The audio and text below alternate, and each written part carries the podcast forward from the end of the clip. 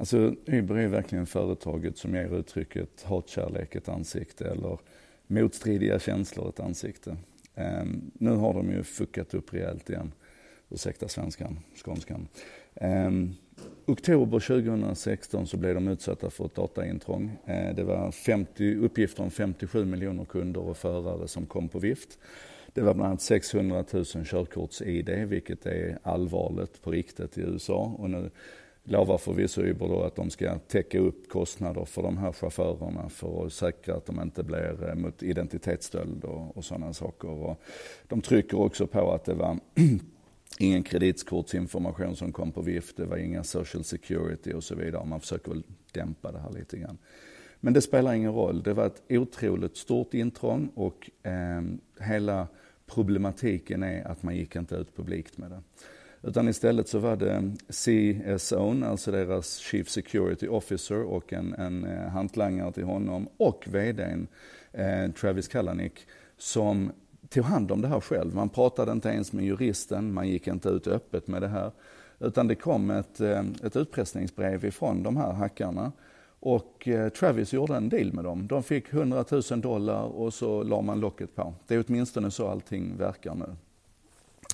Och det här är ju naturligtvis indikativt på, på den dåliga sidan av Uber. Eller åtminstone indikativt på den dåliga sidan av gamla Uber. Ni vet de här som, som stövlade in som idioter här i Sverige och, och hade ett, ett, ett, ett sätt att hantera eh, både relationer med kritiker och allmänna publika relationer på ett ett tragiskt sätt. Jag förstår inte varför de i efterhand har blivit lite hyllade. Jag har skrivit en del om det här på jardenby.se. Micke Kasanovic har skrivit mycket mer om det och han är mycket argare på Uber än vad jag är. För att jag ser ju också den goda sidan av dem. Jag imponeras av Uber som ett av världens absolut snabbast växande företag genom tiderna. Eh, disruptiva på riktigt och de gör så mycket bra och så mycket rätt hela vägen ner på chaufförsledet faktiskt. Jag har åkt med massor med Uber-chaufförer som tycker att Uber är helt fantastiskt. Så det är inte det, utan det är liksom att, att emellanåt då så, så gör man så jävla fel. Och nu har då den nya VDn, eh, Dara Khosrowashi, Dara Khosrowashi, tror jag att det ska uttalas. Eh, han har i alla fall eh, lyft locket på det här. Han har sagt att det här har hänt. Han har avskedat den här eh, säkerhetsofficeren, eh, eller säkerhetschefen. Eh, VDn har fått gå sedan tidigare.